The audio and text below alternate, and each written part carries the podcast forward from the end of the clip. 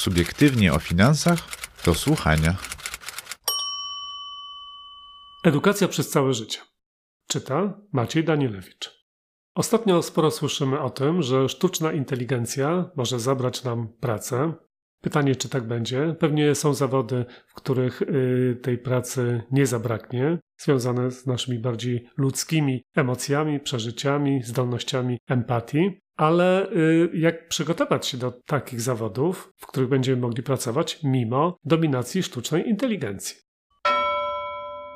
W edukacji zadania szkół y, na wszystkich szczeblach powinny koncentrować się na dwóch głównych ścieżkach: przedmiotach ścisłych, matematycznych, a z drugiej strony umiejętnościach społecznych i emocjonalnych w pracy z innymi ludźmi. Szkoły nie powinny wymagać wkuwania na blachę wielu różnych faktów, tylko koncentrować się na kształceniu logicznego myślenia, rozmowania, ciekawości świata, otwartości, umiejętności współpracy i kreatywności. Systemy edukacji na wyższych etapach powinny być też bardziej elastyczne i powinny wykraczać poza programy studiów, których ukończenie wymaga kilku lat. Lepiej będzie podejmować studia w krótszych okresach i powracać do studiów kilka razy w ciągu pracy zawodowej. Zasadniczo powinniśmy studiować w zależności od potrzeb i zmian na rynku pracy.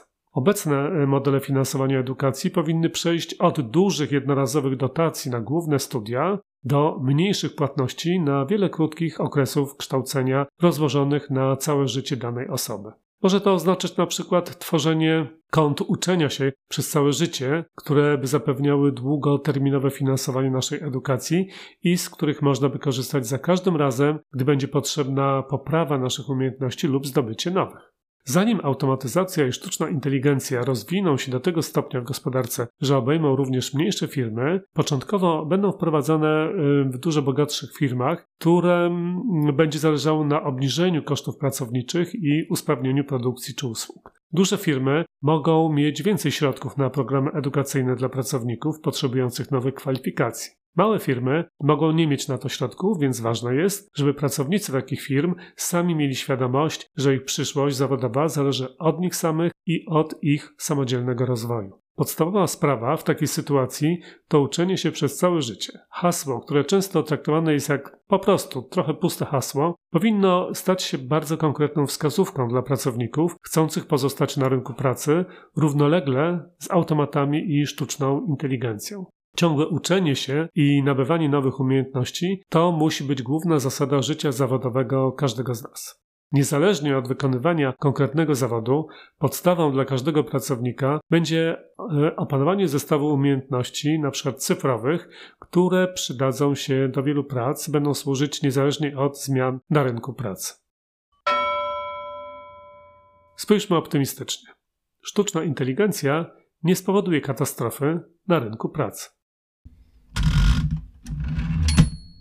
Przyszłość sztucznej inteligencji jest często przedstawiana w dramatycznych wizjach takich jak roboty kradnące ludzkie miejsca pracy, prowadzące do masowego bezrobocia lub korporacje i rządy używające potężnych technologii do inwigilacji społeczeństwa. Ale czy nie jest tak, że dzięki sztucznej inteligencji nasza przyszłość będzie lepsza, tak jak lepsza już była wielokrotnie, na przykład w ostatnich 200 latach, kiedy pracą ludzi zastępowały proste maszyny, a potem komputery. Nie stało się nic złego. Wiele zawodów przestało istnieć, ale powstało wiele miejsc pracy lepiej płatnych. W efekcie obecne społeczeństwo zachodnie jest o wiele zamożniejsze i zasobne w pracy niż jeszcze 100 czy nawet 50 lat temu.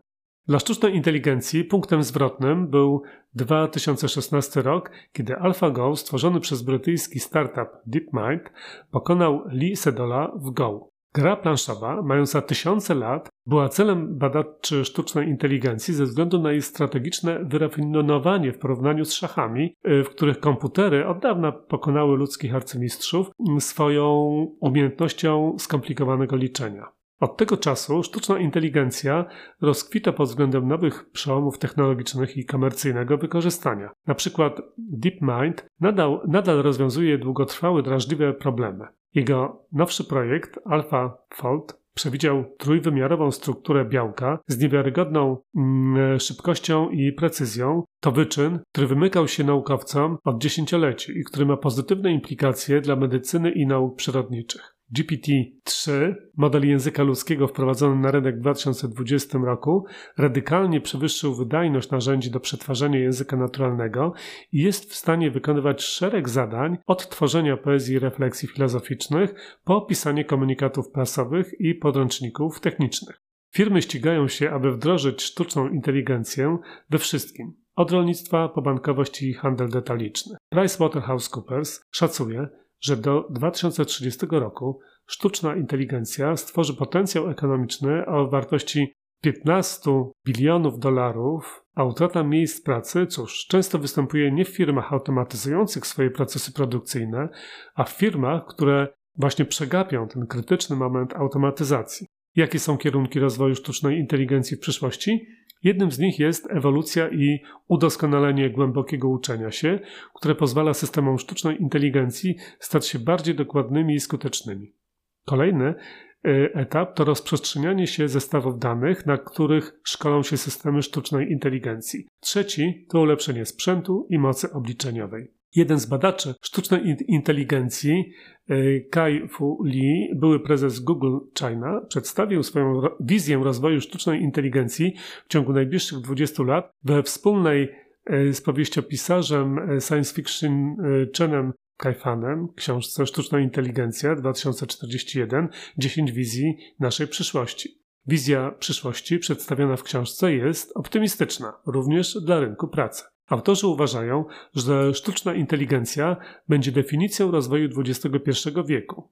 Wygeneruje bezprecedensowe bogactwo, zrewolucjonizuje medycynę i edukację poprzez symbiozę człowiek-maszyna oraz stworzy zupełnie nowe formy komunikacji i rozrywki.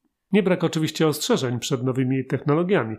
Jeśli miliony ludzi zostaną uwolnione od rutynowej pracy, może to spowodować duże zmiany w organizacji społeczeństwa. Oby najnowsze rozwiązania technologiczne nie służyły e, do agresji, zabijania czy prowadzenia wojen, tylko do lepszego życia ludzi. Ale tego dowiemy się za jakiś czas i będzie to zależało bardziej od natury ludzkiej niż od natury sztucznej inteligencji. Co ma na ten temat e, do powiedzenia e, Kai Fu Lee?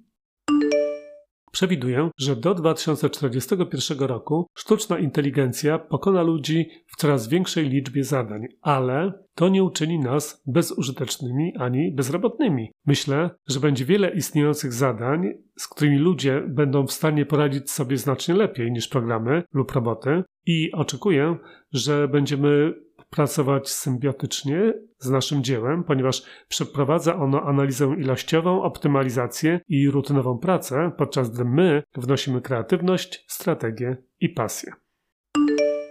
Autor wierzy, że sztuczna inteligencja i automatyzacja rozwiną dziedziny dobre dla ludzkości, jak na przykład odkrywanie leków, patologię, diagnostykę, a także pracę laboratoriów nauk przyrodniczych w zakresie biologii i komórki, biologii molekularnej, badań nad komórkami macierzystymi, a to dopiero początek wpływu sztucznej inteligencji na zdrowie i medycynę. To była audycja z cyklu Subiektywnie o finansach do słuchania.